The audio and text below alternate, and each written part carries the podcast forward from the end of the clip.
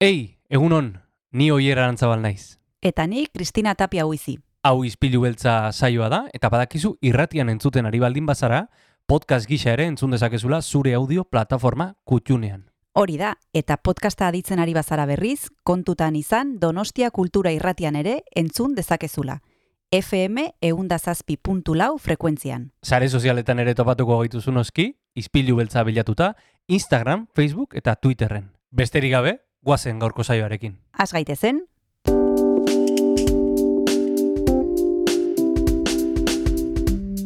Ispilu beltza. Donostiako kulturaren berri, Oyer Arantzabal eta Kristina Tapia buizirekin. Osteguna da, egun honen entzule, ez dakit non zauden, ez dakit nondik ari zaren gure saioa entzuten, baina izpilu beltza, astera da Donostia kultura irratian. Eta saioa bete-bete dator, Kristina, egunon? egunon oso betea dator, bai gaur bi e, Jose zerbait ditugu hemen, batetik Josemi Beltran, e, Donostia Kulturako zine unitatearen zuzendaria da bera, eta badakizue ostegunetan zinemaren inguruan aritzen garela berarekin, gaur et pelikula ederrak ekarriko ditu, eta gainera, Jose Mari Agirretxe, eta izen hori esaten baldin badut, agian ba, geldituko zara berdin-berdin, baino porrotxe esaten badugu, e, oier, ja beste gauza bat. Beste gauza eta bat, porrotxe, e, pirritxe eta marimototxe ongo direnez uztailaren iruan Victoria Eugenia Antzokian bi emanaldi eskaintzen, lauterditan eta zazpietan, ba, guk ispilu beltzara gonbidatu dugu. Bueno, placer bada, esan bezala e, beti Jose Maria Gerretxerekin hitz egitea, porrotxekin hitz egitea. Jose mm Beltranen e, izen ondoa ez dugu ezagutzen, baina guk e, zinefo bezala jarraitzen dugu sare sozialetan. Bi hauekin hariko gara gaurko izpilu beltzean, beraz, berotu motorrak eta guazen astera. Oazen gaurko saioarekin.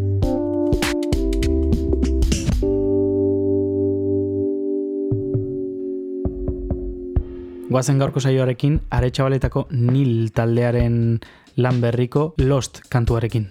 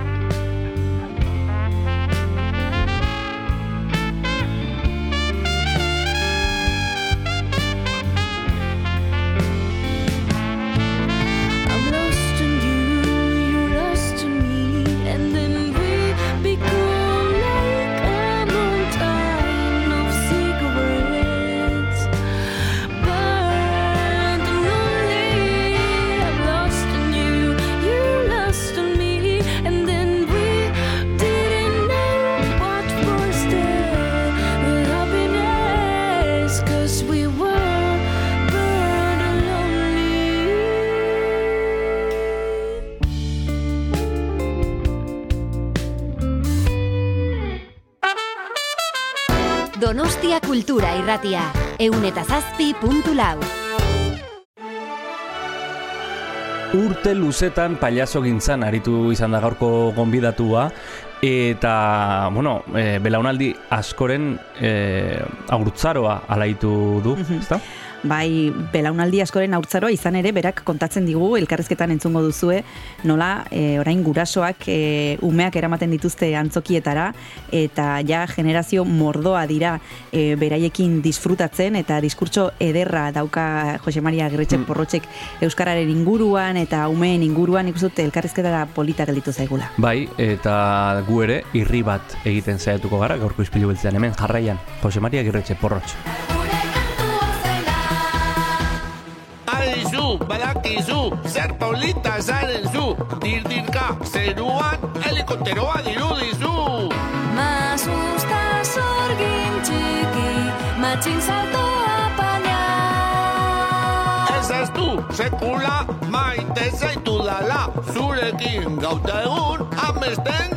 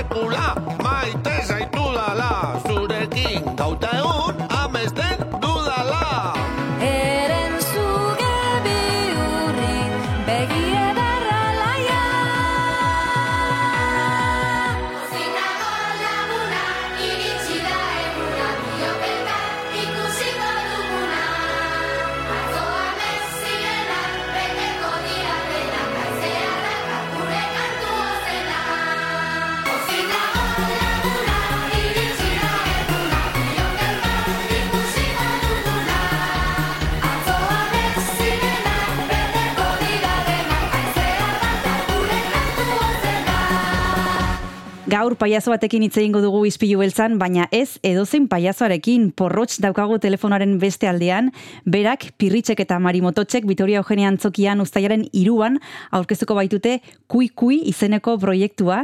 Egunon porrotx edo egunon Jose Maria Girretxe, zer modu zaude? Kotxe, kotxe, Marilutxi, ni porros naiz, eta ni Jose Mari naiz. Elkarrekin bizi gara eta pospozi gaude, zurekin gaudelako izketan orain lagun artean. e, hori izango litzateke lehenbiziko galdera, porrotxe edo Jose Mari, non hasten da bat eta non bukatzen da bestea? Ze puntura arte ja e, biak zarete edo nola egiten dezu eguneroko bizian e, biak bere isteko edo ez nasteko gehiegi? Ba, elkarrekin bizi gara eta nik esango nuke ba, gainera oso pozik, ez? Eta berdin e, piritxekin eta marimototxekin Mhm. gertatzen da. Egia da, Jose Marik, bueno, eman ziola porrotxi, ez? Bere lehen e, taupadak eman zizkion, bere lehen ibilera, bere lehen ahozkera, bere e, lehenengo pauso eta baldarkeriak eta eta sentimenduak, ez?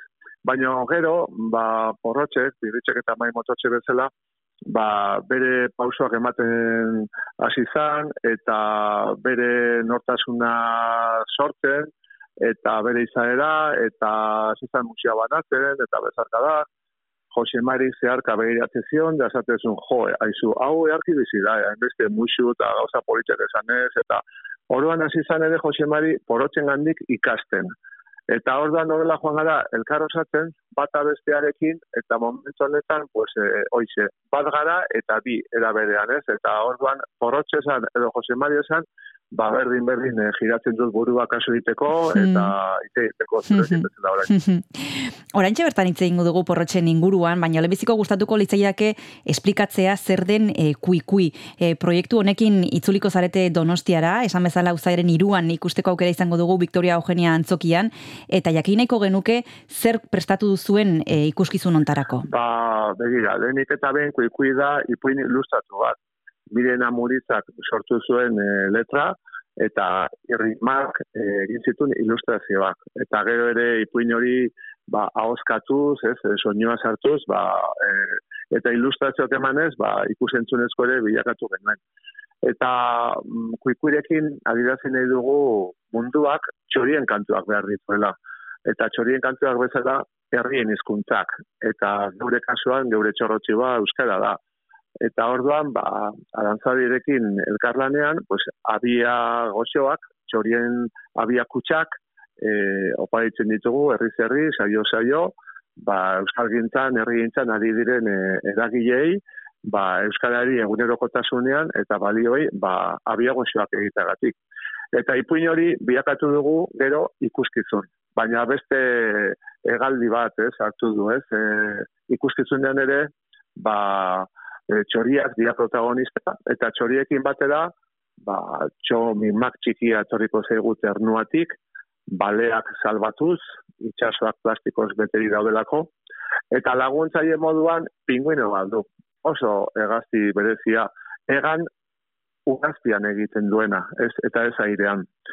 Eta, bueno, tider etorriko zegu bizitan, baino baita tider, eh, bueno, barkatu, txobin bat txikia etorriko zegu bizitan, baina baita tider ere Afrikatik, ez? E, tider migratzailea da, e, itxasoa gurutzatu du, onaino iristeko, e, ego euskal herrian dago, baina baionara iritsi nahi du, banaian duelako, baina bidazoa gurutzatzea, bakoseik ezaio, txilipito dagoelako e, bertan vigilatzen, eta orduan ontzak lagunduko jo.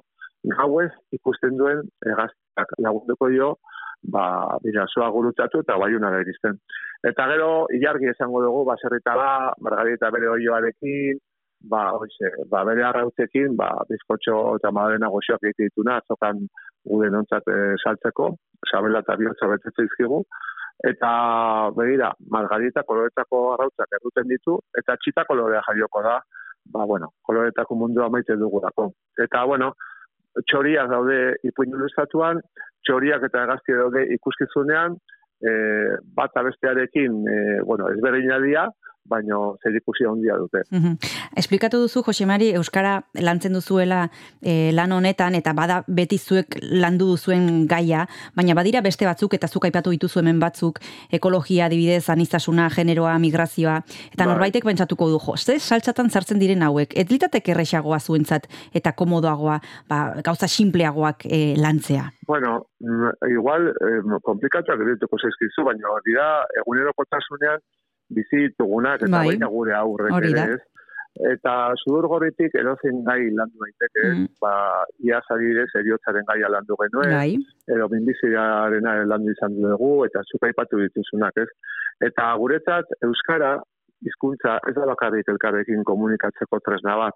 Bada ere, balioak transmititzeko, bitarteko, ezin hobea, ederra, gure esku daukaguna, ze Euskaldunak, bueno, egaztiak bagara, baina izokinak ere bai, ez? Eta bidazoa zitzen dugu leno, eta izokinak gara korrontaren kontra ari garenak, ez? E, saltoka, egan, oztopoa ditugu, txikiak garen einean aurrera egiteko, baina horrek ematen digu ere empatia bat, ez? Geu bezala, pues igual txikiak direnekiko, bazterrekoak, ez, bizkate, haien tokia ere, mundu honetan, ez, eh, haien erdigunea bilatu nahi duten hoiekin, ez, horregatik, Euskaraz transmititzen dira ezkidetza, ekologia, e, kulturartekotasuna, eta beste bat balio, ez, eta, bueno, kulturgilei, sortzaileei, ba, erreparatzea besteik ez dago, e, gure abeslariek, zeri kantatzen joten, atzetulariek, e, ze obrak egiten dituzten, dantzariek, bertsolariek, bezalakoek, ez? Eta nik uste euskal kultura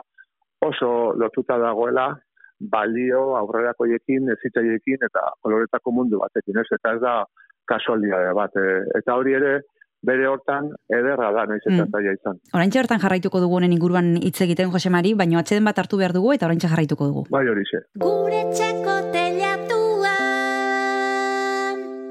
Eunka milaka milioika Txori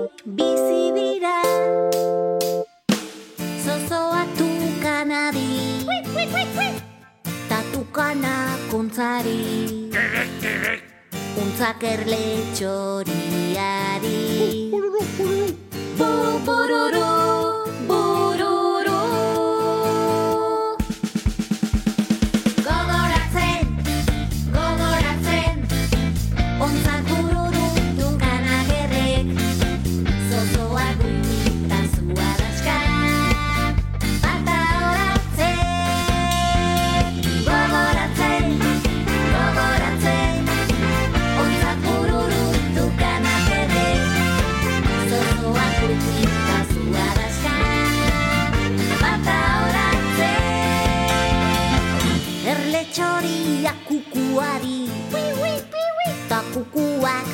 Basoilarrari Kiku, kiku Basoilarra beleari Kun, kun, kun, kun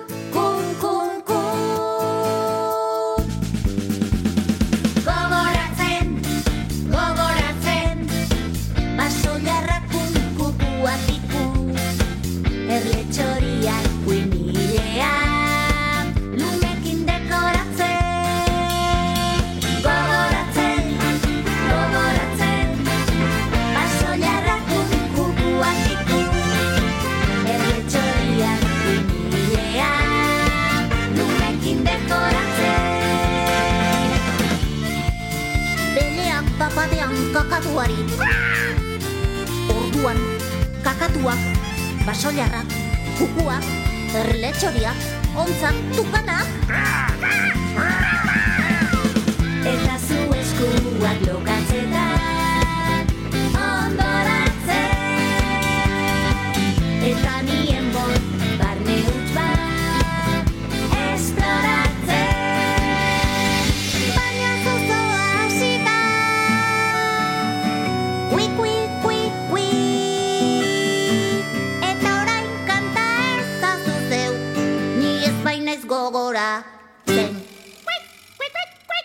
Get it? Get it? Kiku. Donostia kultura irratian gaude entzule gaur telefonaren beste aldean porrotx edo Jose Maria Girretxe daukagu kuikui ant, e, proiektua aurkeztuko baitute e, Victoria Eugenia Antzokian, ustaiaren iruan izango da, bitxanda izango dituzte bi pase, lehenbizikoa lauterdietan eta bigarrena arratsaldeko zazpietan, eta ari ginen hitz egiten hasieran aipatu duzu zerbait, e, zein den e, porrotx eta Jose Mariren e, diferentzia edo tartea, eta jakineko genuke nolakoa zen porrotx sortu zenutenean edo sortu zenuenean, eta nolakoa den orain, asko aldatu da, aldatu baldima da. Bai, aldatu da, pertsona guztiak aldatzen garen bezala. Porrotx lasarte horian jaio zen, Jose Mari bezala. E, orain dela, hogeita magost urte. Pentsa orduan, lasarterako aurren euneko laro gehiak aereduan ikasten zuen. Mm, Eta haientzat, ez zan euskera existitzen, ez etxean, eskalean, da justu-justu eskolan. Horregatik jaio zan porrotx. Euskara eta alaitasuna zabaltzeko, Jose Mairekin batera, ez? Eta beste lagun batzuekin batera. Eta hasierako pausoak izan zian, ba, hoize, ez? E, ikasten, ez? E, ibiltzen ikasten, hitz egiten e, ikasten, eta harremantzen ikasten, eta eta poliki poliki joan zan azten eta ezten. E, orduan, hasi ginenean, dena mutia ginean. Egun batetarako bakarri jaio ginean, olentzero jaialdian. Nork esango zegun, ez? Alako abentura ederra eta luze ingo genula gerora.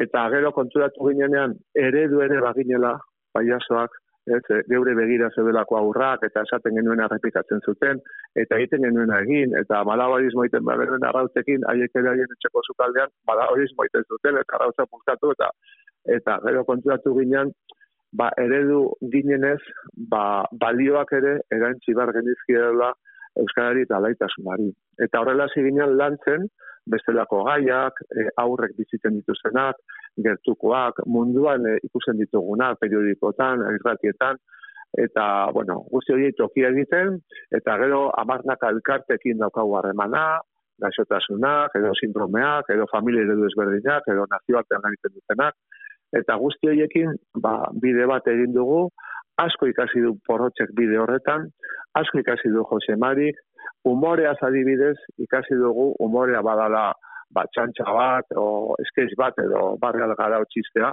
baina umorea ere badala jarrera bat bizitzan egunerokotasunean eraikitzailea, baikorra, errespetuzkoa, nola bait, e, oize, egunero egunero esnatu, irribarre bat aurpegian zintzilikatu, eta aurrera, ez, e, e, inguratzen gaitunaz, eta inguratzen gaituztenaz, e, hoiekin, hoietaz gozatu, eta haiekin e, sortu beste beste egunerokotasuna eta mundua. Aipatu duzu nola hasi zineten, emanaldi baterako gauza bat zen, eta begira orain non zaudeten Euskal Herrian pirritx porrotxe eta marimototxe esaten badugu, nik uste dut e, eredu bazaretela, zuk aipatu bezala, baino rock izarrak ere bazaretela e, momentu hontan. Nik uste dut e, aurrak dauden etxe guztietan, e, irizen da momentu bat non sartzen zareten, eta ja, etzarete irteten.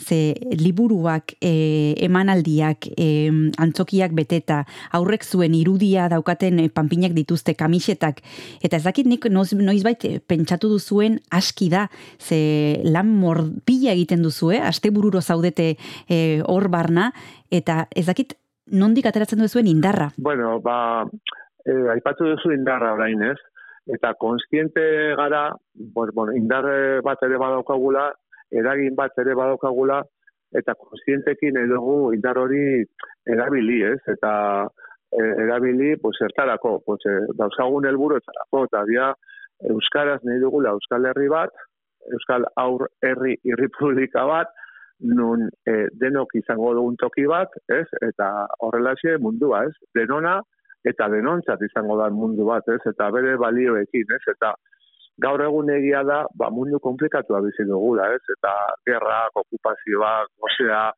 ez, e, pizkan non nahi daude, ez, e, migratzaileak itxasotan galduta, esiak e, herrien artean, eta orduan, horren aurrean nik uste dut, jarrera aktibo bat hartu behar degula, bai pertsona garenak eta bai ba, eragileak, ez, eta, eta konstientea bagara daukagun indarra eta eragiteko gaitasunaz, pues bueno, pues gure kasuan probestu iten dugu hori, ez, eta horregatik, ba, lantzen ditugu lantzen ditugun gaiak eta sortzen ditugu, ba, sortzen ditugu ipuinak, abestiak, gidoiak eta bestelakoak, ez? Eta eritzen zait, era berean bai, handiak, handiak garela errituko zaizu momentu batean, ez? Eta beken aktuatu dugu, eta milaka persona sartu ditugu bertan, eta baina baita ere ospitaletako geletan aur bat, bakar bat entzate ditugu saioa, eta saio txikiak asko maite ditugu. Eta eritzen zaigu gainera, bueno, pues, eh, inurria garela, ez? Oso txikia gara, bai gu, eta bai gainontzeko eragileak, eta elkarrekin, elkartuta, pues, eh, egiten dugu indarra, ez? Eta, eta hortan sinisten dugu, auzolanean, herrigintzan, e, euskal gintzan, eta, eta balio guzti horietan, ez? Eta horrek egiten gaitu zoriontsu, eta mateio zentzu bat, gure bizitzei ere, ez? Eta pasioz bizi dugu pailazo gintza, ez? E, gorriak jasten ditugunean, pues, eh, pues bueno, pues, eh, esan bezala porroz, Jose Mari, zoriontsua gara, irutzen zaigu poliki poliki ere desazeleratu barko dugula, ere, zehut eta usteak ez di alterri pasatzen, eta eta erdilmo hori, pues bueno, baita ere egokitzen joan behar duela, ez? Baina, e, hiltze garenean, hilkutxan bizulo modia hor aurrek aldean, eta zapata bertatik atako dia, eta porroz eta Mari elkarrekin hilko dia, eta berdin perizuta mani. Bigarren atxedena hartu behar dugu, Jose Mari, eta oraintxe bertan nitzuliko dugu eta jarraituko dugu elkarrezketarekin. Hala, la esperate, mucho. Txoria nintzela, txoria nintzela, sinistu nuen sinistu. Amets politura, amets politura, gaur ere, nahi nuke sinistu. Mendi eta zuaitz ez nuen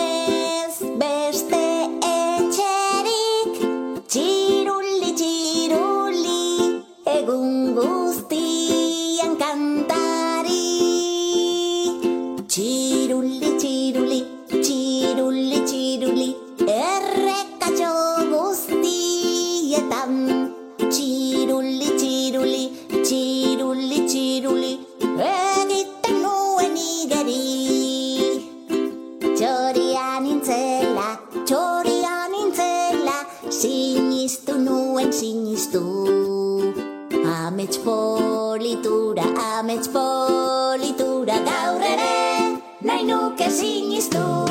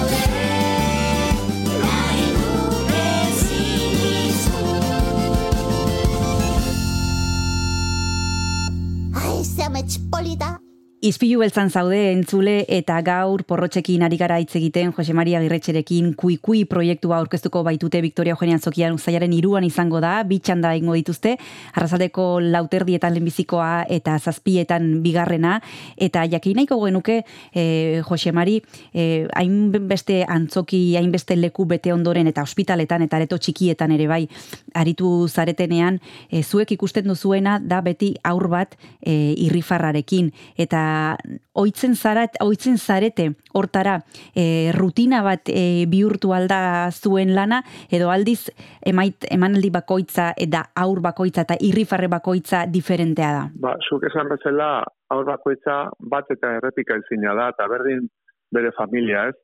Eta guk esaten dugu ez, eta ospitaltan ikasi dugu hori, tristurak eta pozak, ez? Partekatzen direnean, direla beti goxoagoak, ez? Eta aur bat ikusten degunean, bueno, bere lagun ere egiten gara, aur asko, familia asko, egin ditugu lagunak, eta ez gaude bakarrik ondo pasatzeko. Norbait gaixotzen denean, pues, urbil sentitzen dugu, edo norbait ditzen denean ere, pues, gerturatzen gara, ez? E, e, horretarako gara, nola bait, e, e, antzesle, ikusle, pizkate paradigma hori, pizkate hortik aratago ere bagoaz, eta lehen aipatu dugun bezala, elkarte pila batekin e, e, daukagu harremana, bizipoza.eusen, pues ikus daiteke, ez? Bizipoza elkartea hor ere eragile asko gari gara, ez? E, elkartekin elkarlanean, hogeita mazazpi elkarte daude, eta euskaratik eta euskaraz, e, pues, pues, e, informazioa sortu, sensibilizatu, balioak zabaldu, eta nola bait behar bereziak dituzten aurrak eta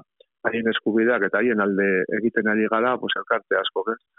Eta bai, e, ez zara oitzen horretara, ez da inertzia bat, ez da rutina bat. E, dia pertsonen arteko, e, lagunen arteko harremanak eta eta partekatzen ditugunak, ez? Eta hoain ere askotan gazteak ikusten ditugu kalean, ez? Ja, guraso dianak askotan, ez? Eta jo, eta eso, tal, tal, jo, zen modu, zaze garai haiek txikiak ginenean, Zase, bai, bai, guk eman genizuen titia, guk aldatu genizuen parrela, aldatu genizuen kakapastela, eta eman genizuen kremite ipurdia, marruizko muixoak ipur masaian, txokolatezko puzkarra botatzen izuten sudurrera, eta begira hoen zein ederra zabeten, ez? Eta ze poza maten digun horrek, ez? Eta, eta bai, hartu eman hori oso garrantzitsua da, eman hartu hori, eta eta asko eman dugu egia da, baina asko jaso dugu ere, ez? Eta eta bueno, pues eh, horrek ematen dio zentzua geure lanari ere. Hmm. Bai, seguru nago, entzuleren batek e, ikusi zaituela, e, non baiten, e, guraso den e, denoi tokatu zaigu zuei ikustera joatea, eta harrigarria da, nola e, sortzen den aretoan e, izugarrizko energia, magia bat esango nuke ere, eta ni e, ama bezala e, pila bat aldiz egon naiz e, zuek ikusten, eta ez dakit zein den e, zure ustez arrakasta horren sekretua, zein izango lirateke klabeak? Bueno, ba, gure kasuan, e, kariño asko, maitasun asko, e, begietara begiratza aurrei, ez, e, e, bereikin bat egitea, eta nik uste gero Euskaraz, Euskara alaitasunez ezabaltzea, ez, eta kantuz, eta dantzaz, eta jolastuz, eta eta bueno, aipatu dugu ez geure hizkuntzak ez, e, pues, historia dauka, ez, eta gu, pues herri zapaldua izan gara eta eta oraindik orain e, pues e, euskarak aurrera egin dezan lan asko egin behar da eta oztopo asko gainditu behar da. Eta orduan pues e, alde horretatik pues e, hortan e, ari gara denok lanian eta eta euskara ezin du izan bakarrik ez e, gramatika zerakusten dan zerbait edo eskoletan e, modu hortan e, erakutsi daiteken zerbait, ez, euskaltekietan, ez, e, euskara izan behar du gozamena, izan behar du alaitasuna, izan behar du balioak, eta hortan ustez ari direla, batetikan irakasleak, ez, berian, e, gurasoak, familietan, baina denok inbar dugu, komunidadetik, ez, e, denok e, semala bat izan, ala ez, denok badaukagu zer eman, zer jaso, zer egin, eta zer eragin, eta e, etxea, kalea, eskola, administrazioa, e, denok e, komunikabideak, ez, e, denon artean egin behar dugu lan, inurrien moduan elkarrekin, euskarak aurrera egin dezan, ez, munduak behar ditulako hizkuntzak, behar ditulako kulturak, behar ditulako anistazuna, ez, bioanistasuna eta, eta geurea kultura eta hizkuntzana, ez, bestela oso tristea litzake mundu bat, ez, zuri beltzean.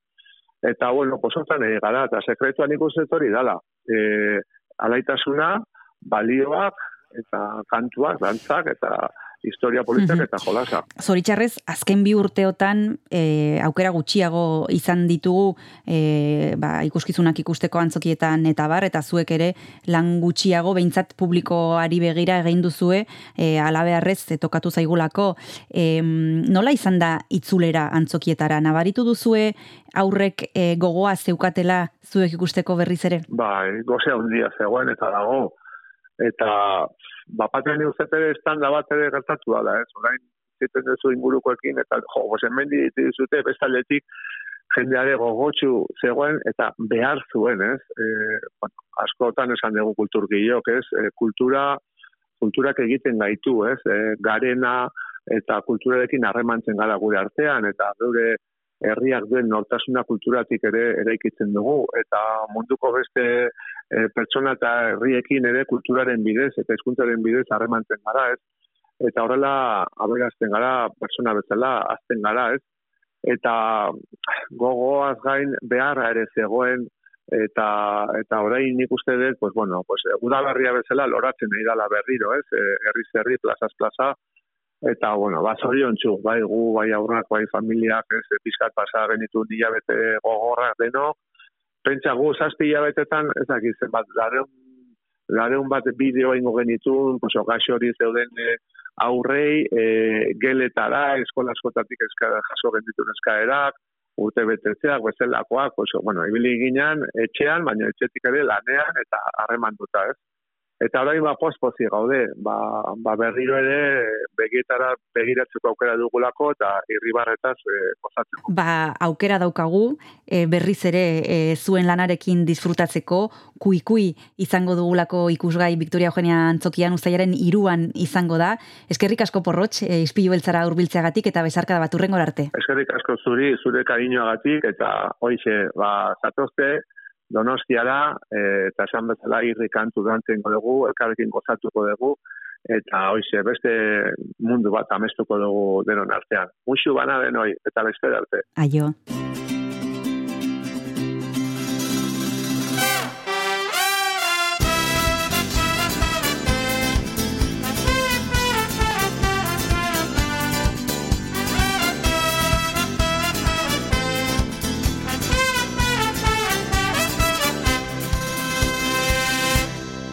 Bertako ametsak ez nagoenean Eta ezin loak hartu gaua iristen denean. Saltoka hasita egan egiteko gogoa Nire bihotza taupaka ailetzera doa. Elkarrekin hankaz gora buruz bera jartzean Tunelean sartu eta irrintzika astean. Itxilorekin pultsera egin dizudanean Begietara begira hause nahi dizut esan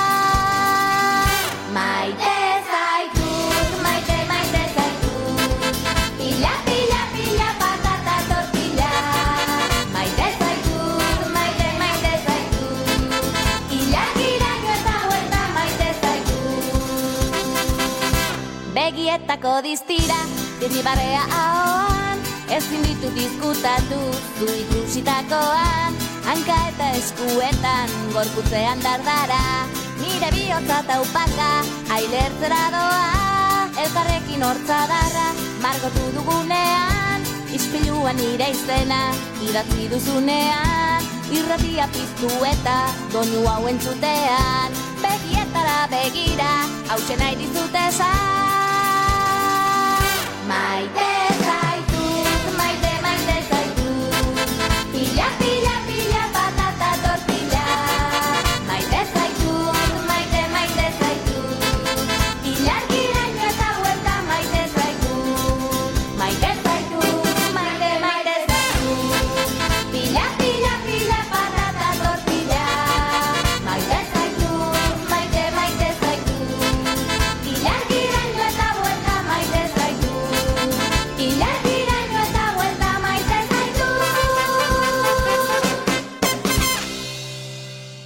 Ostegunero bezala zinema hitz egin behar dugu eta horretarako Josemi Beltran gerturatuko zaigu orain hemen Ispilu beltzera.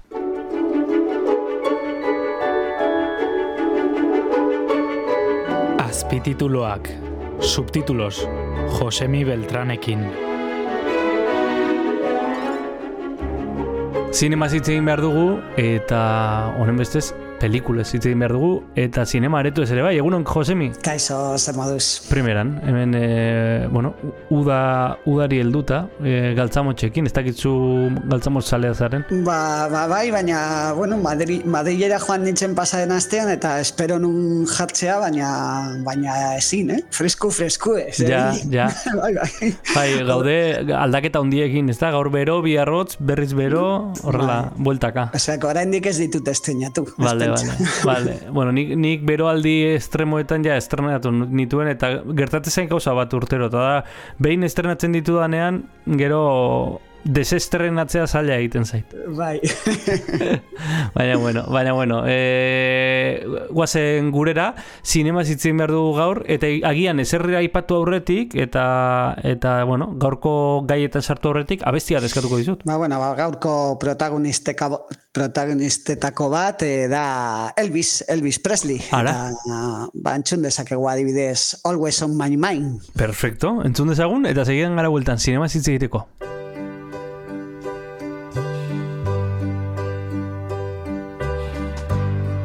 Maybe I didn't treat you quite as good as I should have. Maybe I didn't love you quite as often as I could have. Little things I should have said and done. I just never took the time.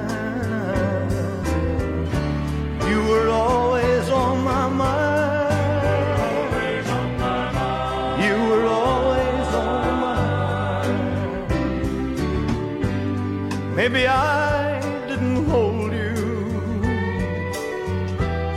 all those lonely, lonely times. And I guess I never told you I'm so happy that you're mine.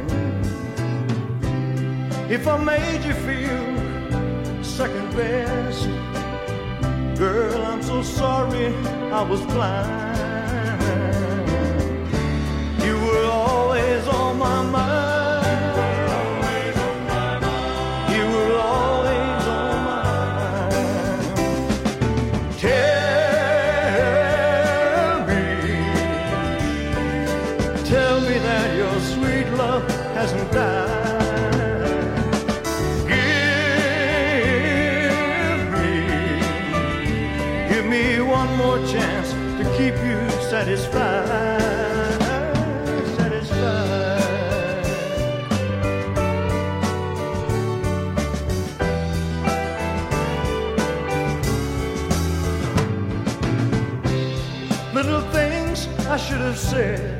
Done.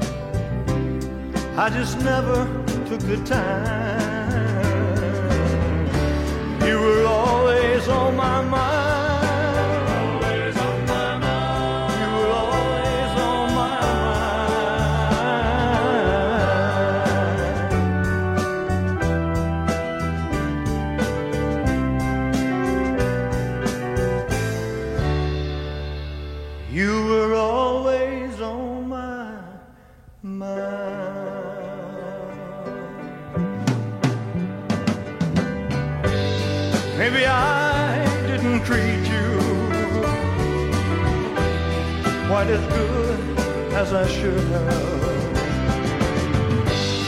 Maybe I didn't love you quite as often as I could have. Maybe I didn't hold you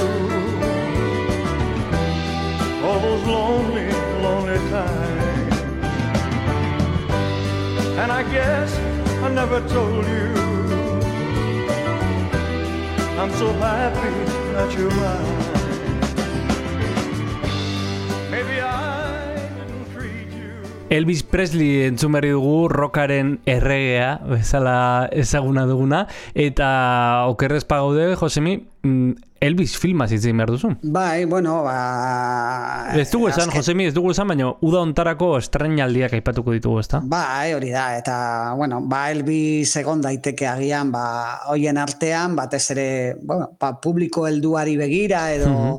edo musika zalei begira, ba, ba, bueno, nahiko entzutea izan da film hau, Bas, Bas Lurmanek eh, zuzenduta, e, pasaden astean, pasaden asteburuan estrenatu zen, e, Bas Lurman da, ba, bueno, Moulin Rouge e, filmaren zuzendaria, Bai. beste, Eta ematen du nik oraindik ez dut ikusi, baina espero dut laster ikustea eta komentatuko dugu, Mhm. ziur, datorren astean. E, baina, e, bueno, ematen du ikuskizun handia dela eta erritmo, erritmoz beteta, e, izan behar den bezala. E, Elbi, Elbisen, ba, bueno, ba, irudi, irudi asko eta soinu asko eta kolore asko duen e, duen filma. Eta, bueno, handago, handago, baina beste, beste film batzuk daude, e, oraingo karteldegian, eta egongo dira. mm? Bai. E, eta horretarako, ba, bueno, aipatu, aipatu nahi nun pizkate batzuk. mm? Mhm.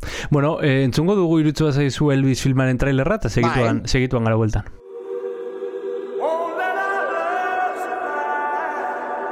There are some who'd make me out to be the villain of this here story. Let's don't let a good thing die.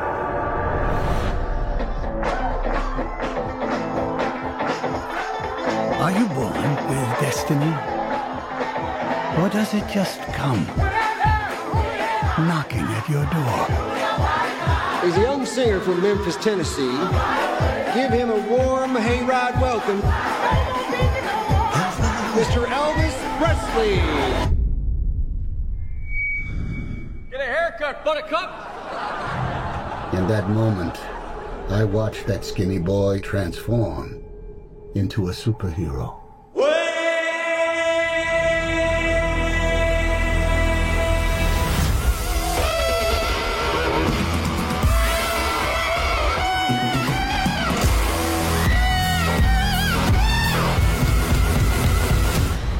He was my destiny. I wish to promote you, Mr. Presley. through party in the town of jail. Are you ready to fly? I'm ready. Ready to fly. Elvis filma e, zalantzari gabe, bueno, ba, Elvisek berak e, ohi duen legez interes asko piztu duen filma da eta guk ere interesez begiratu duguna. Etorri zait burura I Walk the Line filma, e, e, Johnny Cashin ingurukoa, oso e, oso filme ederra, mm, ez dakit eh, ikusi, ikusi zenuen. Bai, baina, bueno, nire ustez, ba, bueno, zirazki estiloa nahiko desberdina. Desberdina, ez da? Bai. nahiko desberdina. Bai. Bai. Uste dut askoz barrokoa gadela eta eta gainera baita ere musikariaren estiloa oso desberdina zan, ez da? Hombre, zalantzari gabe, zalantzari gabe. Biak walk the line dira, eh? biak, eh, biak, biak ibiltzen ziren ariaren gainean, ez? Eh, noiz eroriko alde batera ala bestera, baina tira. Eh, esan duzun bezala, Elbisekin hasi gara, baina beste filmen batera izango da hortik, ez? Bai, adibidez, bueno, ba, pasaren astean esteinatu zen beldurezko beldurezko salen txat, ba, Black Phone, adibidez, e, Ethan Hawke, ba, beste suspense eta beldurezko film bat, eta, bueno, kritika, kritika onak jaso ditu hau. Eta aste hontan, ba, iritsiko dira adibidez eh, Minions, e, ba, marrazki bizidunen ba, beste, beste kapitulu bat, e, pertsonai hori hauekin, eh? The, Min The Minions Bai. pertsonai hori hauekin, hori familiei zuzendutakoa. Eta datozen adibidez e, ustaiak sortzi Thor izango dugu berriro. Beste superheroi bat, beste Marveleko e, pertsonai bat, e, oraindik iaia daukagu karteldegian e, Doctor Strange eta jarraian ba, Hau da, bueno, ba, amai, amaigabeko kondaira bat, e, Bai. super, superheroien mundua. Entzun dezagun torren trailerra. Aurrera. You're in the Shadow Realm. How'd you know? The atmosphere there has a darkness like no other. It's as if color fears to tread. It's unmistakable. Well, then, if it's color we need, let's bring the rainbow.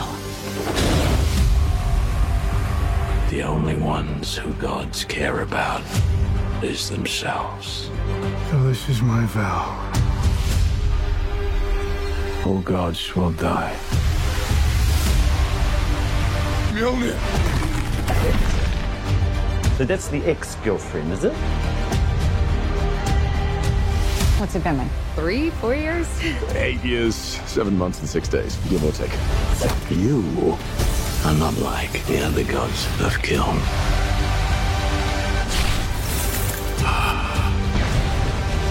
Just my first bad guy. Never forget your first.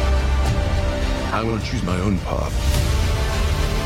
My superheroing days are over.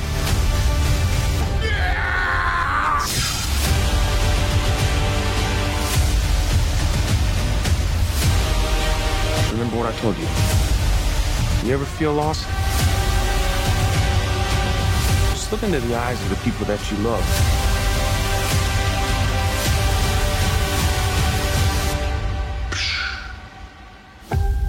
Torren trailerra entzun berri dugu, eh, ari gara repasatzen uda honetako hainbat eh, estreinaldi. Eh, ez dakit, zu, superheroien zalea zara, Josemi? Pegatzen dizu, eh? Pegatzen dizu. Bai, bai, nintzen, nintzen, nintzen, nintzen. Ja, Bai. eh, pizkanaka, pizkanaka, droga hori utzi dut, uste dut. bai, ai, askotan, bueno, ja esaten dizute, ba, bueno, hau oso, oso ona izango da, benetan desberdina da izango da filma, ez dakiz zer, baina beti betiko kontua izaten da, ez da? Ja. En, en, nire ustez gaur egun eta azkenengo urteetan bereziki ba, sinema e, egoki txapen hone- hauekin ba, beti ekoizpen, ekoizpen oso igual igualak direla. E, naiz eta zuzendari desberdinak erabili, ez dakit. Bai. Kenneth Bra- Kenneth Branagh, Taika Waititi, Sam Raimi eta bar eta bar, bai aia beti beti antzekoak izaten dira eta eta mm, bueno, ba ekoiztetxearen zigilua nabaritzen da egile batena baino. Hmm, eta aurre ikusgarria da ez askotan trama eta oso ez dakit, eh, ni zalea naiz, eh? Ez dizut esango ezetz, baina egia da formulak errepikatzen direla eta batzutan hori nekagarria da. Gaine, agian gehiegi, nire ustez agian gehiegi. Ia, ia, jabete bakoitzean edo, edo bi jabetean behin daukagu ja bat, e, e, filma ez bada, bada izango dugu telesail bat. Orduan ja hau da uniberso bat, amaitezina, e, bueno, ba, komikietan bezala, ez da? Baina, Mhm. baina ja lortu dute, ba, ba, makina martxan egotea ba, jargaian, e, eta ho- horrek ematen du dirua, eta horregatik e- egiten dute. Adibidez, tor, torren, tor pertsonaiaren kasuan, ba, erabik, erabaki dute azkenengo filmekin, ba, komedia kutsua ematea. pertsonaiari. mm, Eta horregatik bataika guaititi e, zuzendari eta gidoilariak ba, ba hartu du pertsonaia ba, pizkat e, Bai. Tonu parodiko batekin. mm, E, eta ematen du hori, ba, bueno, arakastatxua dela baita, eta eta film berri honetan, ba, ba, larogoiko amarkadako, ba, pizkat omenaldi bat izango dugu, musikarekin, estetikan, eta bar, eta ikusiko dugu, baina nik ez dut uste joango naizenik, egia esan zinemara ja berriro beste mm, superheroi bat ikusteko. Bueno, e, bere garaian e, Harrirekin hitz egiten genuen, Harri Fernandezekin da, egia da orain gainera denboraldi berria estrenatu da, The Voice telesailarena, ez? Mhm, e, bai. be, superheroien mundua ere, bueno, beste modu batera hartzen du, ez? Piskat e, sarkastikoki edo, edo olako sati, satira modura, ez? Ez dakit eta heldu, helduagoa baita, bai, baten bat ikusi dut, eta komikia ere ezagutu nun, lehenengo, lehenengo aleak gutxienez, eta helduen txat da, baina Marvelekoak normalean dira ba, familia osorako. Bai, e, produktuak, eta horrek baldintzan zendu baita emaitza asko, asko. Bai, e- helduentzat eta gero umore kutsua ere badu, baina beste umore beltza, ezta? Umore beltza, bai, eta krude, krudelagoa nire ustez. Krudelagoa bai, zalantzari gabe. Tira, e, torra aipatu dugu, ez dakit beste filmik badukazun apuntatuta, uda hontarako. Bai, bestalde, e, ustaiak sortzi mm, bestaldetik izango dugu adibidez gizaskubiden zinemaldian bota genitun bi film, Mhm. e, alde batetik lingi, Bai. eta bestaldetik e, malituiz e, Robert Gedigianen e, filma, ez dakit, e, bueno, donostian ikusgai egongo diren, baina gian beste, beste hiri batzuetan bai, eta hau beste, be, ba, ba, bueno, beste aldea da, eta beste Bai. aukera, beste aukera bat. Mm, e, helduentzako filmak, gizarte, gizarte gaiekin, eta, eta film independienteagoak e, Mhm. karteldegian. Tira, ba horrelaxe tartetxoa hartuko dugu eta gero jarraituko du subtitulosekin.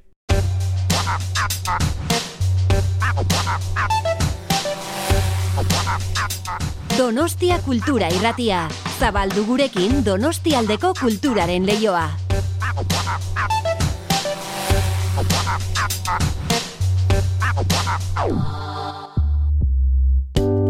Gogoratu, izpilu beltza entzuten ari zarela, Donostia Kultura irratian. Baina nahieran ere topatu dezakezula podcast gisa gure saioa. Edozein audio plataformatan arpidetu eta oieraran zabal eta biok asko eskertuko dizugu. Orain jarrai dezala saioak.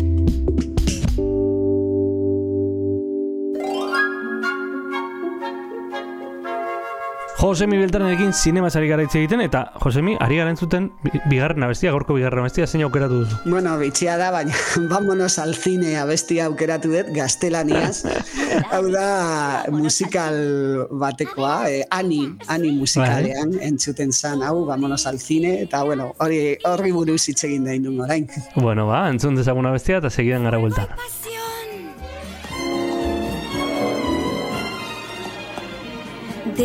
Desde la butaca vas a disfrutar. Vámonos al cine, Ani, ya verás. Bette Davis está flirteando y Greta Garbo suspira llorando y Robert Taylor la abraza con todo su amor. Chico y Groucho y Charlotte y Jaimito seducen con Harold Joyce, Shirley Temple y el gran Gary Cooper. Pronto va a empezar. Fred Astaire y Ginger Rogers.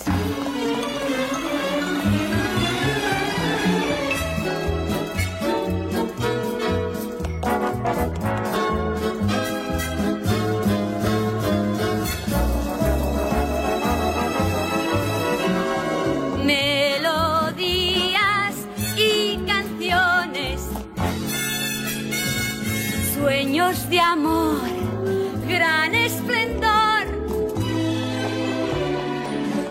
Desde la penumbra, vibras de emoción,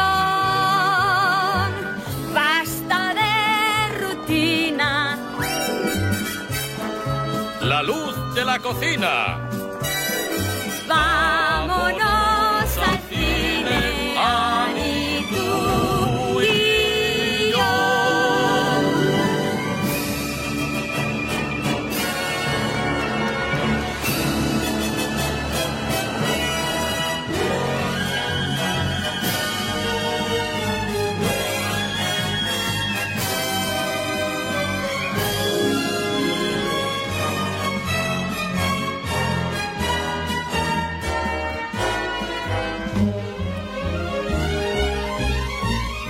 Bienvenida al cine, ven a disfrutar a este mundo de ilusiones donde reirás y llorarás.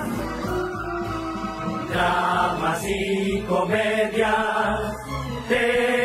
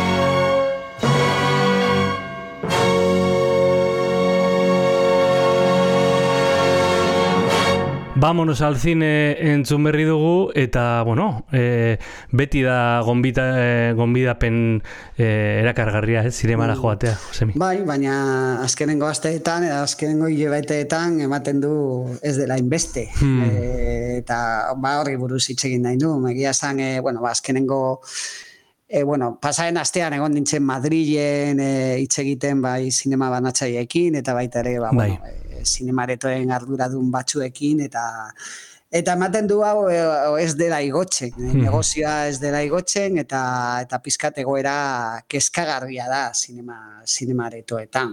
E, benetan zenbakiak ba, oso tristeak dira ia ia dramatikoak e, eta bakarrik e, Jurassic World e, bueno, azkenengo azkenengo kapituluak enduta ba, edo Top Gun adibidez, ba, beste film askok ez dute lortu, ba, espero zena, e, Lightyear e, marrazki bizidunak barne. Osea, e, eta bueno, ba, horren inguruan en, bueno, ba, pentsatu nahi genunean non dauden, no dauden arrazoiak, hm? eta, eta, zertarako ez dakizuk nola, nola ikusten duzun. Zeintzuk diren klabeak, ez? Da. ba ez dakit, ez dakit nola ikusten dudan. Egia da, mm, pandemia ostean egon zela horrelako repunte bat, ez? Jendeak gogoa zeukan. E, baina agian azken hilabetetan ere, bueno, ez dakit, eh? guraldiak ez du asko lagundu, ez? E, bero, bero ikaragarriak eta ondartzak zinemaren aurka jokatzen du. Ez dakit, ez dakit esaten. E, agian ekaitz perfektua juntatu da, ez? Ez dakit. Bai. E, E, eta pentsa Madrilen adibidez, e, ba, beti giro akondizionatutarekin eta bar, e, ba, Bai. beti zinema esan dela e, oasis bat. Hori egia da. Hori egia da, hori egia da. Bai, bai. baina ez da, ez da horrela, eh? eta batzuk eh, komentatzen dute, bagian, bueno, daudela zain, eh, hau da azkenean, hau aldatzen den, Bai. baina, baina nire ustez hemen dago baita ohitura aldaketa bat, ohitura aldaketa sakona, mm? Mhm. eh, bueno, arrazoiak, alde batetik, aiozuk ez komentatu duzuna, eh, pandemiagatik, eh, ba, jende askok aldatu dute bere, aldatu dituzte bere ohiturak eta deskubritu dute dituzte plataformak eta Bai. eta bar, e, hori ikuslei dagokienez, bestaldetik e, ba, konpainiek ere e, ba, hau sustatu dute, zen adibidez e, film bat estrenatzen badute eta ja iragatzen dute e, datorren hilabetean e, izango duzula etxean Bai. e, zure plataforman, ba, jendeak itxarango du.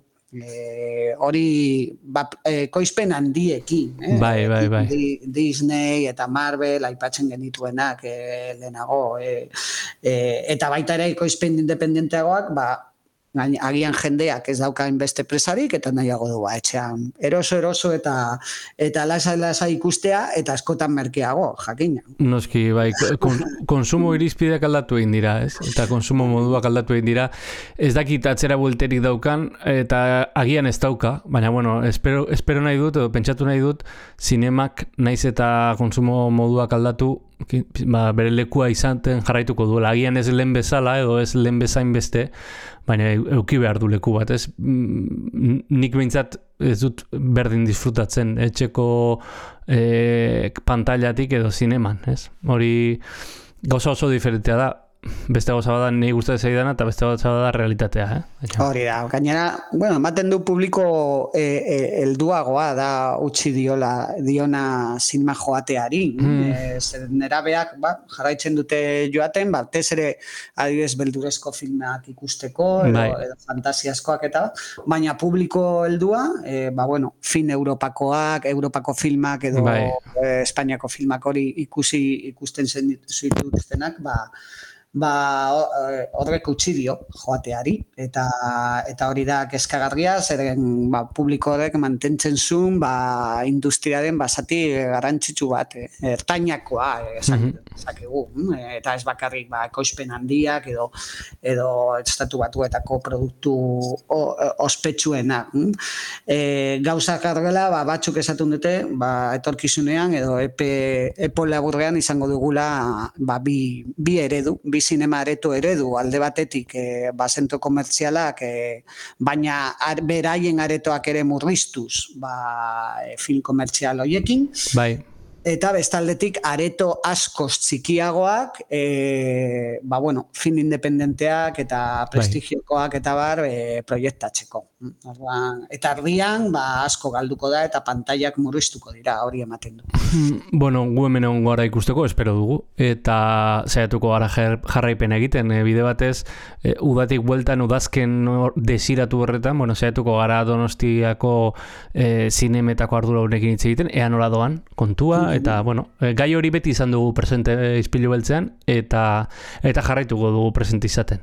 Josemi, eskerrik asko beste aste batez gurekin egoteatik. Ba, zuei eta betartean, ba hori, zinemara joango gara eta Hori datorren astean kontatuko dugu. Hori da, datorren astean errepaso egingo dugu.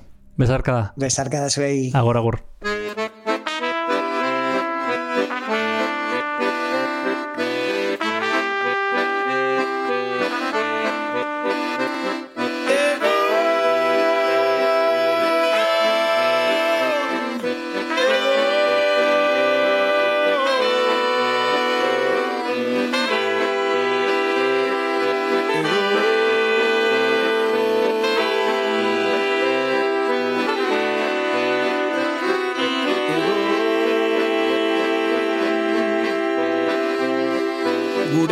Dago esan didate lagunek Ez zinalaiago Gure esku dago esan didate lagunek Ez zinalaiago Zer dago, zer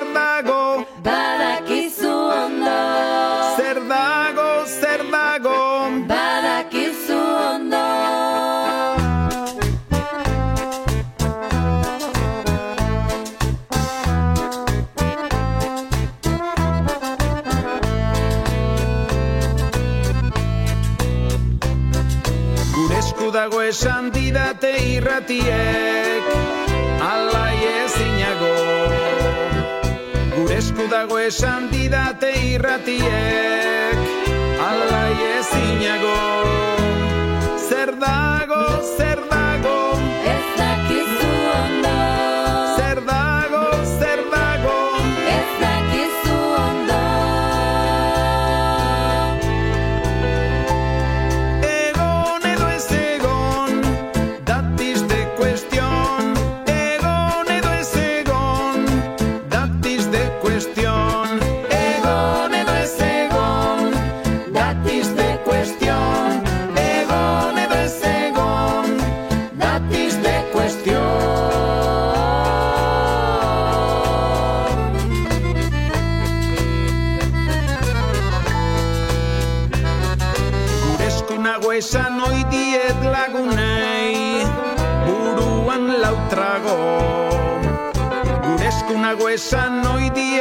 lagunean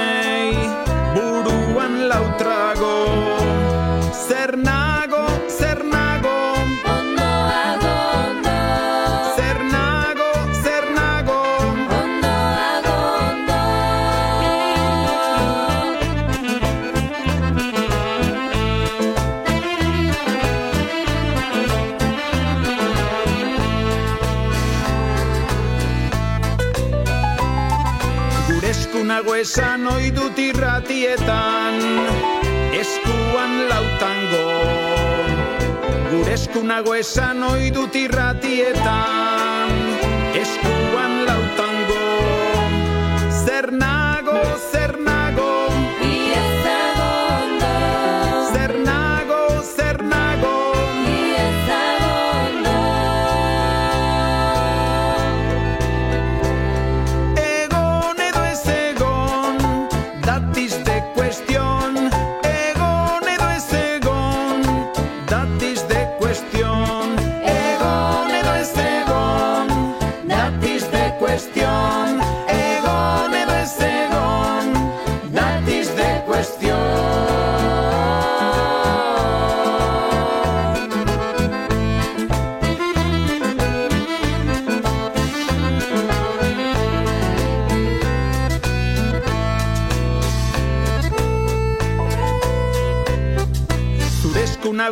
esaten dizut lastana ezin beroago. Zure eskunago esaten dizut lastana ezin beroago.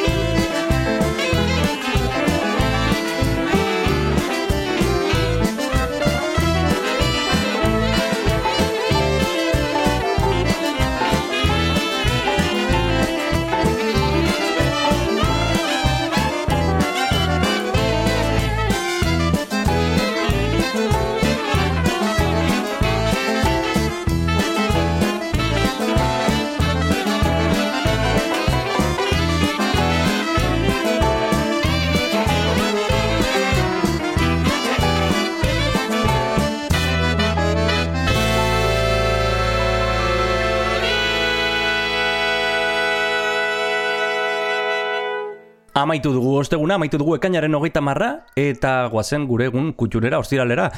E, oiko, oiko gonbidatuak izango ditugu, oiko planteamendua, e, baina beti ezberdina. Bai, badekizue ostiraletan literaturaren inguruan aritzen garela hemen ispilu beltzan eta horretarako ekartzen ditugu liburuzainak, Donostia Kulturako liburuzainak, bihar Ruben Bidal etorriko da, komikibak ekarriko du, eta gainera Ana Merino gonbidatu dugu, berak gidatzen baitu e, Rincon Literario izena duen proiektua Okendon eta Tomasenen. Bueno, bi proposamen interesgarri, Ruben Bidalek hitz egingo digu e, Arturo Herreraren inguruko mitoak eta feminismo uztertzen duen komiki baten inguruan, Kristina.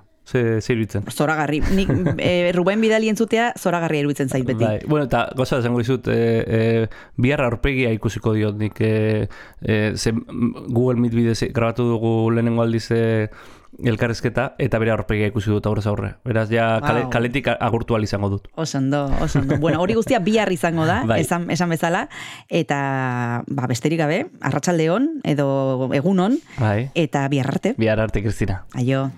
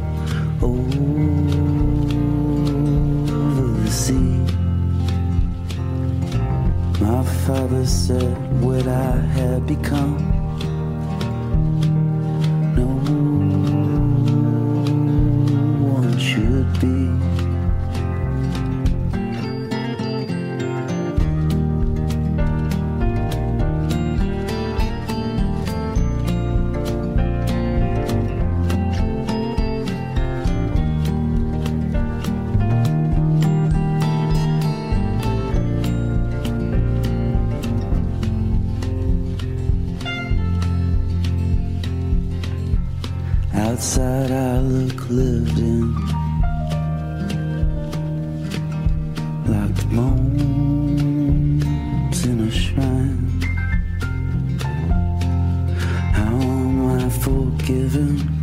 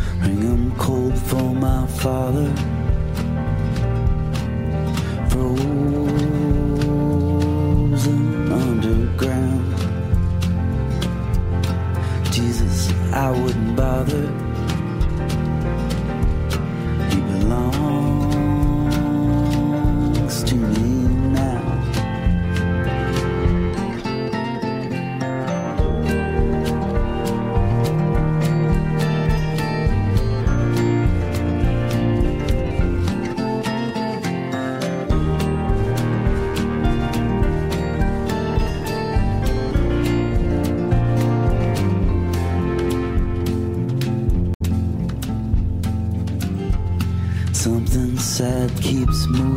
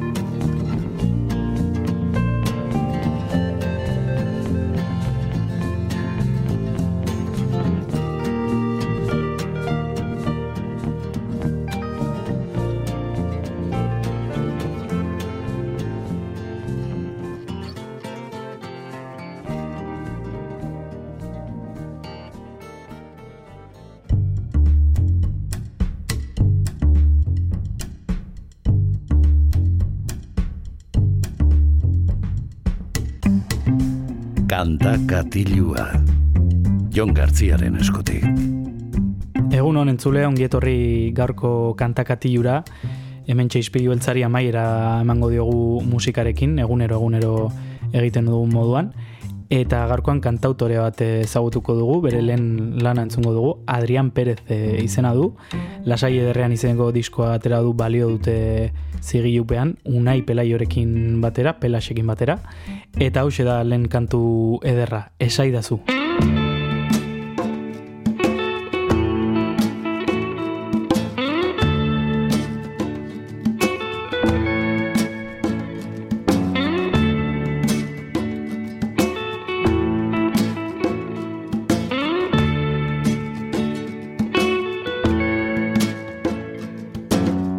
Egun ona izan ziteken baino, beti bezala.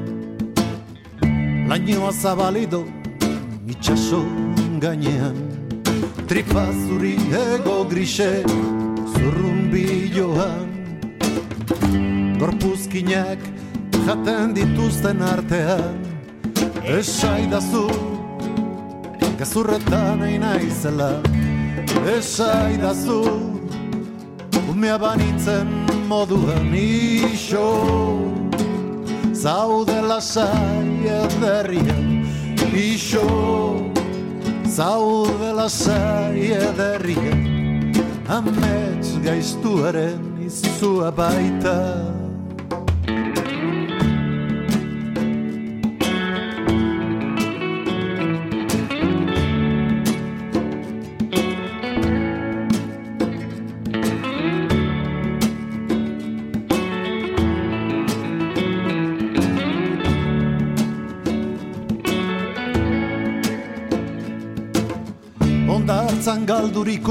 edo lau baino zale. Barne erakusten estriptiz lotxagaben Giro zamatxu berunezko aizea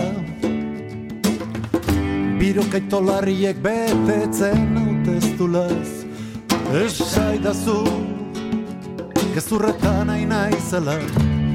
Esaidazu umea banintzen moduan Iso zaude lasai ederrian Iso zaude lasai ederrian Amets gaiztuaren izua baita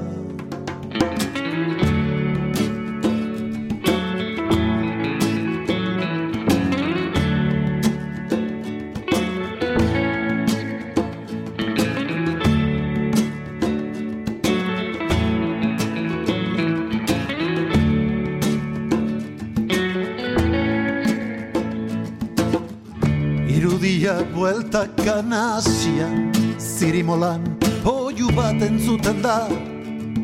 Ta gero beste bat Airea jenaz Betetzen ari da. Eta nik uste nun Ametsuz txazela Esaidazu Gezurretan nahi naizela Esaidazu Umea banitzen moduan Iso Zaude lasai ederrian Iso Zaude lasai ederrian Amets gaiztuaren izua baita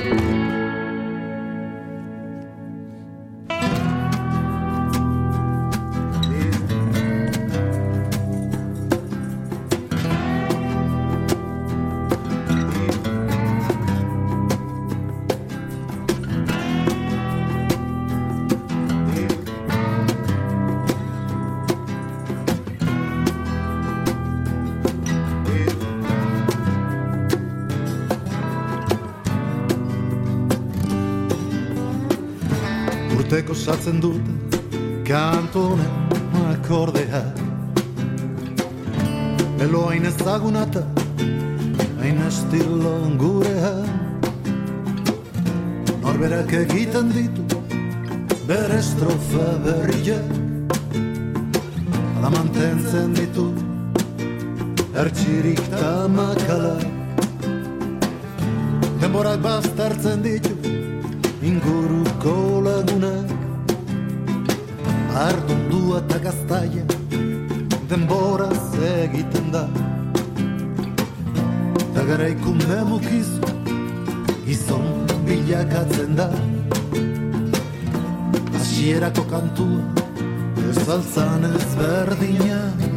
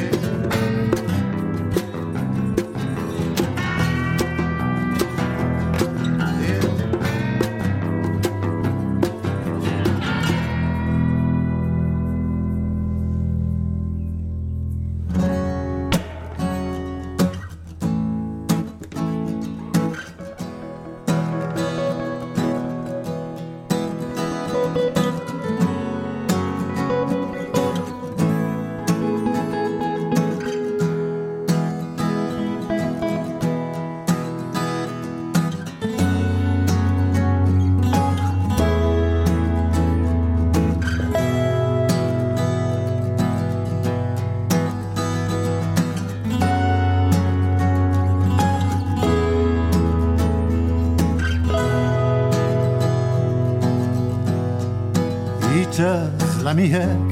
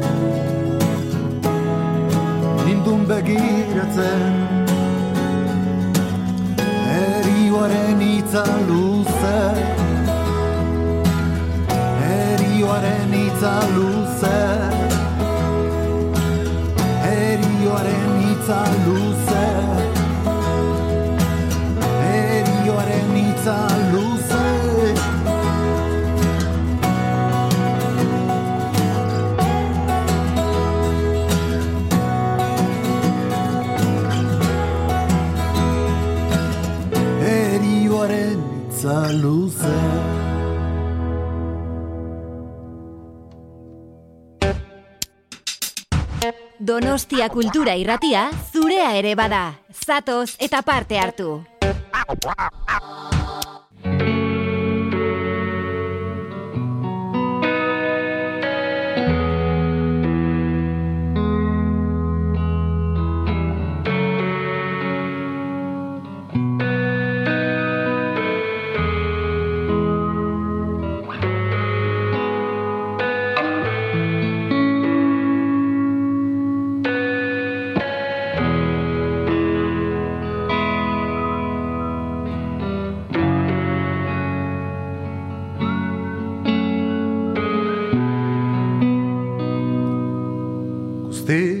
Guztiz desegindako Txen azkante hontan Bakarrik zure usaia Soma daiteke ja. Enintzela kapaz. Zu maitatziaz Harrik bezain gogorra dut bihotza Irratitik berriak Ta besti pare bat Kafeirak iten baina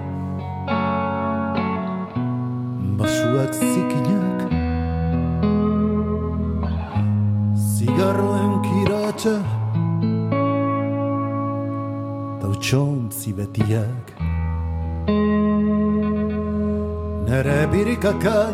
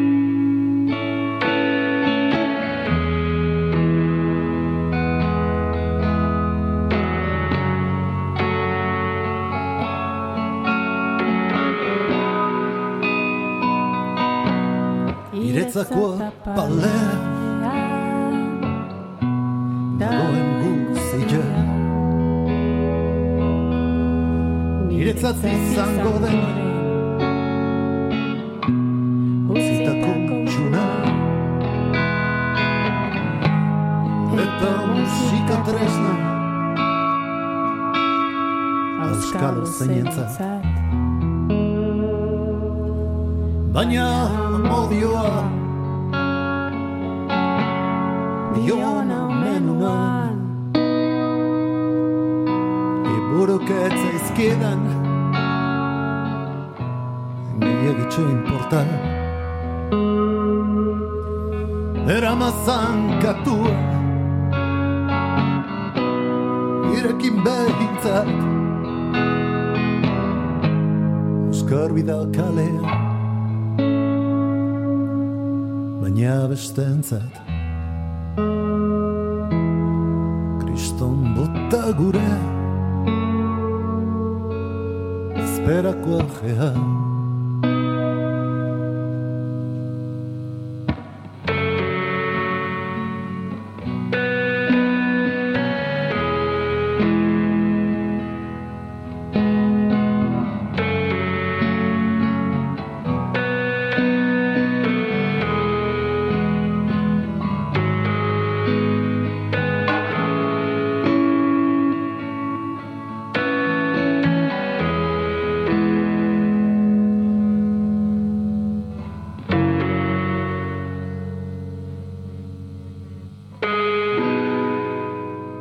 Lasai ederrean izeneko disko eder eta berezia entzuten eta ezagutzen ari gara gaurkoan Donostia Kultura Irratian, eunda zazpi puntolau frekuentzian, Ispilu beltzari amaiera ematen ari gara, ostegun hontan, eta Adrian Perezen eskutik da Lasai ederrean izeneko disko hau, Unai Pelaioren pelasen laguntza izan du, baita beste hainbaten ere bai, adibidez Telmo Trenor, Elena Ramirez edota Iker Vázquez, Eta tira jarrai ezagun ezagutzen eta entzuten, orain txentzun dugu eramazan katua izeneko kantua, eta guazen urrengoarekin aguztuko euria entzutera goaz. Baizu, sasiak estaltzen du.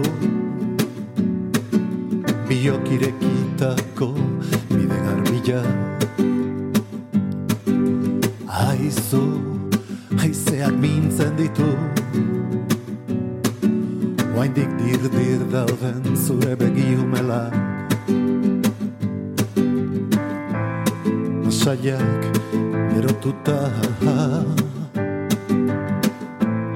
Eta betiko galdera Noiz etorriko da. Abuztuko eurilla Noiz etorriko da. Hain freskagarria Noiz etorriko da. Abuztuko eurilla Noiz etorriko da. Hain freskagarria Aizu ez algera jabetu.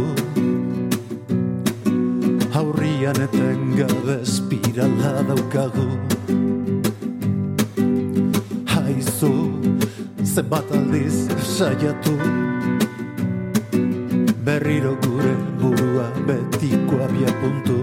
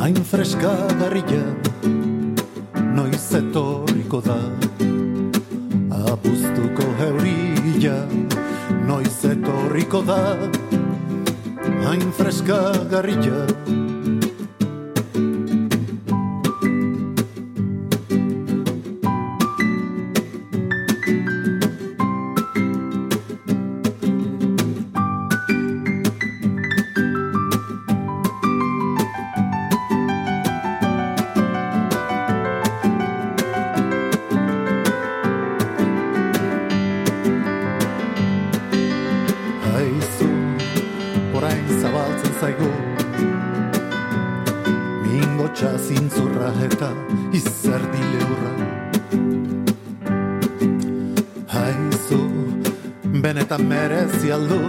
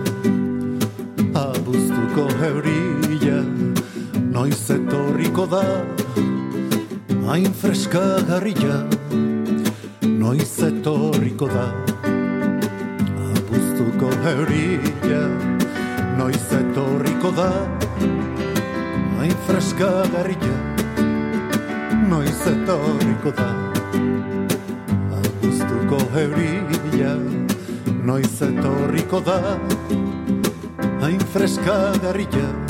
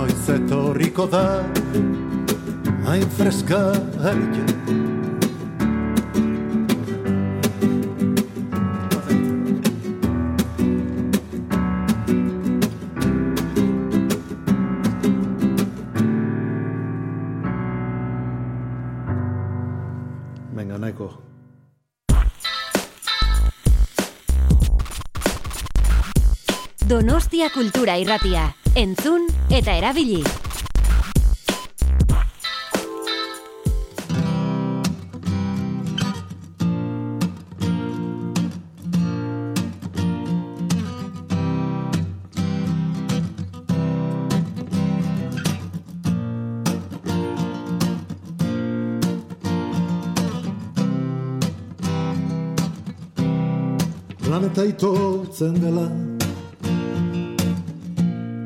Zerbait jakin ezu Zaborra izan oi dela. Endiaren bizileku. Sexua bihurtu dela. Gizartearen merketu Gorputzak sargai daudela Ta salgai ez zaudezu Ta salgai ez zaudezu Eguneroko honek. Espertu iten gaitu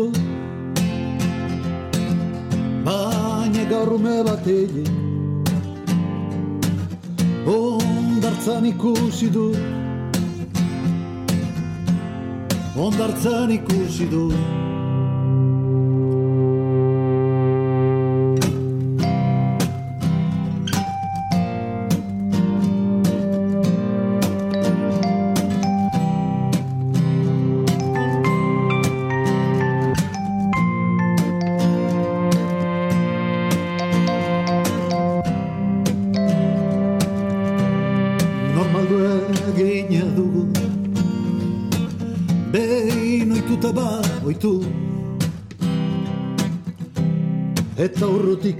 intxaurrak Oso urruti ez zaztu Bestaldera begiratzen Bai ederki hastu Kotxetxea eta behar Besterik ez daukagu. Besterik ez daukagu Eguneroko honek Espertu iten gaitu. Baina gaur ume batelik Ondartzan ikusi dut. Ondartzan ikusi dut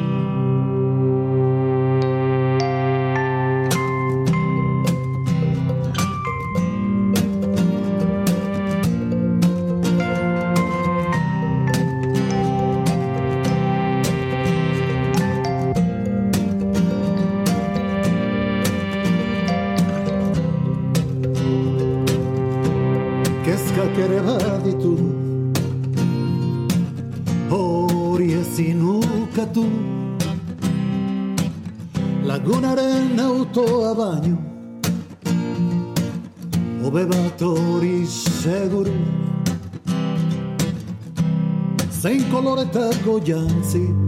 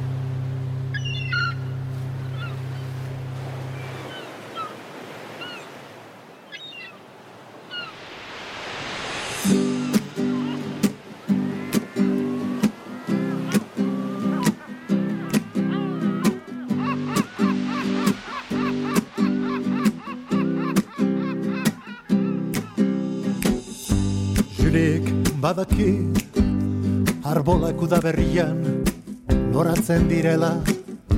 Julik badaki Umen negarra Hunkigarria dela. Julik badaki Itxaso gainean Olatuak direla. Julik badaki Atzoko eta Bidirela Julik badaki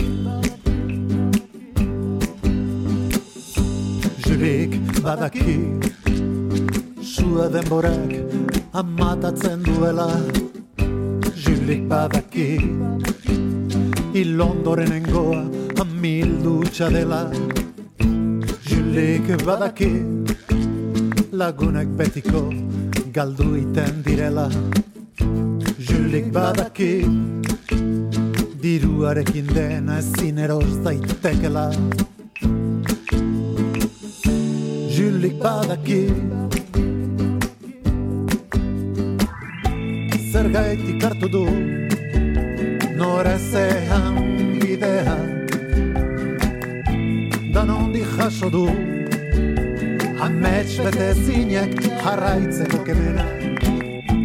Zer gaitik eukidu iritzi guzien kontrako jarrera. Zergaetik galdu du aholkurik onena. Nik lagun ezakit ezin ion galdetu Juliri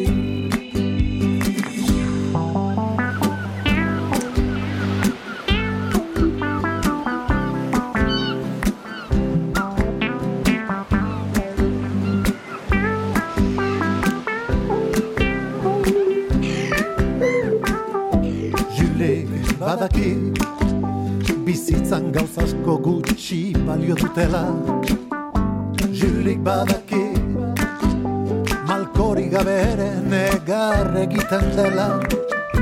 Julik badaki Trumoiotxak bildurra ematen duela. Julik badaki Euskitan izan da ondartzan egotea. Julik badaki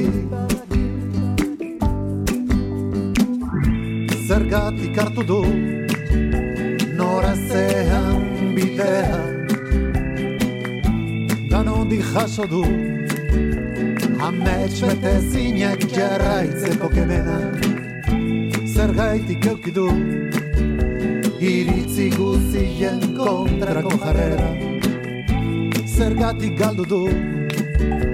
Aholkurik onena Nik lagun ez daki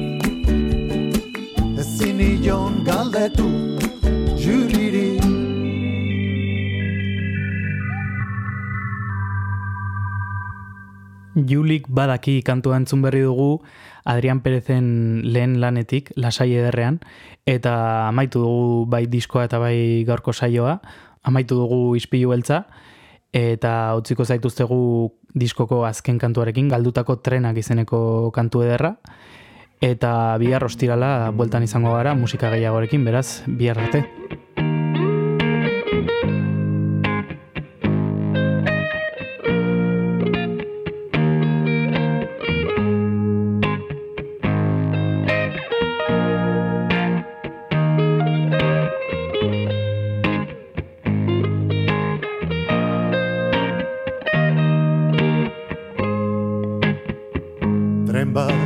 Bat pasada Orain bestean Stazioan. Ilagun apenas Denbora luze doa Geldo antzean Endaka irudi. Flasak aurrean Lasai itxurazu